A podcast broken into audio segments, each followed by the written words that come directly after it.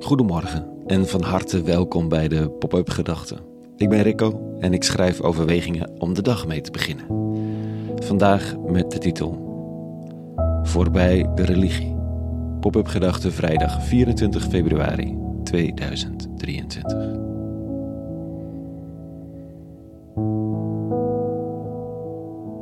Vandaag is het een jaar geleden dat er opeens overal in Oekraïne werd gevochten. Schermutselingen waren er al jaren, de Krim was al ingenomen, maar vorig jaar om deze tijd was het opeens oorlog. Al een jaar lang offert Poetin mannen op om land te winnen en eer en status en wat niet al. Een jaar lang worden er woonwijken kapot gebombardeerd. Wapens worden aangevoerd, mensen worden naar het front gestuurd en een ongelooflijke hoeveelheid mensen moest onderdak vinden elders. Het einde is niet in zicht. Een treurig jubileum. Wat doet God in deze dagen? Als die vraag überhaupt al gesteld moet of mag worden. de Russisch-Orthodoxe Kerk heeft wel een idee, of een deel daarvan in elk geval. God vecht tegen het slechte Westen. In Oekraïne hebben ze ook wel een idee. God verenigt de Europese landen tegen het Russische gevaar. In West-Europa weten we het natuurlijk niet zo goed meer. Want God is een margeverschijnsel waar een enkeling nog een helder idee over heeft. Een gezamenlijk gevoel ontbreekt, al is Rusland slecht. Voor de meer genuanceerde Poetin en zijn oorlogsmachinerie is slecht. En er is verzet nodig. En dat is geoorloofd en goed.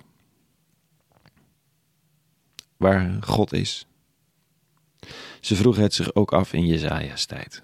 De grote profeet en poëet ver voor Christus. Men bad en offerde en vastte, maar redding en verlossing en licht aan het einde van de tunnel, oh maar. De afwezigheid van de eeuwige was voelbaar. Althans, dat idee krijg je bij het lezen. Dan zegt Jezaja vandaag dat religie de eeuwig ook niet terug gaat brengen.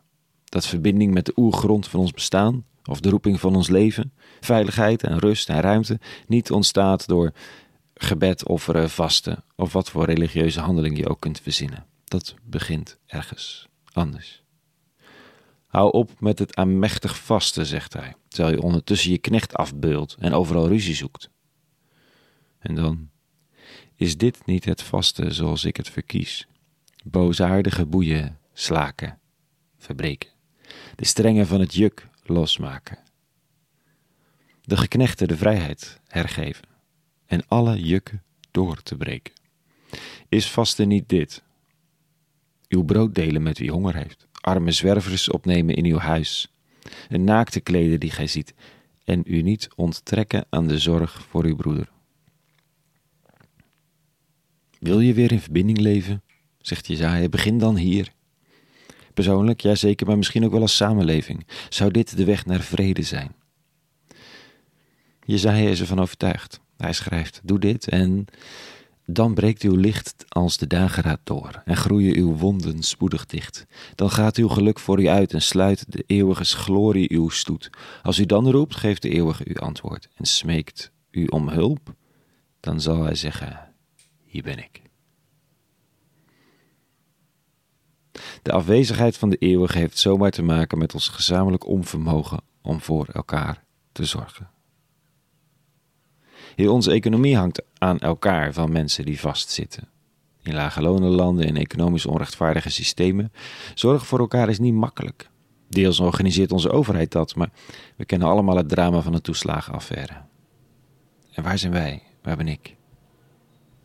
Het zijn van die grote vragen die machteloos kunnen maken. Juist als we vandaag beseffen dat er al een jaar een oorlog woedt. Tegelijk geeft Jezaja handvaten voor verbinding. Met jezelf, de ander, de oergrond, zoals Edi Korthuis altijd dat zegt. En dat begint niet in de kerk of bij de priester, in de moskee of met het lezen van bijbelteksten. Het begint met de dingen waar iedereen ergens werk van kan maken.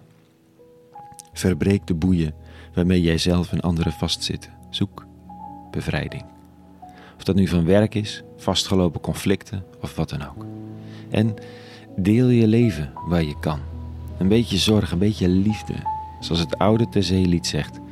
Daar is God aanwezig. Ubi caritas et amor. Daar waar zorg is en liefde. Deus ibi est. Daar is God. Zo dichtbij. Tot zover vandaag. En het is weer even de laatste, want volgende week ben ik even vrij van andere verplichtingen. En is het vakantie. Maandag 6 maart hoop ik er weer te zijn. Met een frisse pop-up gedachte. Voor nu, vrede gewenst. En alle goeds.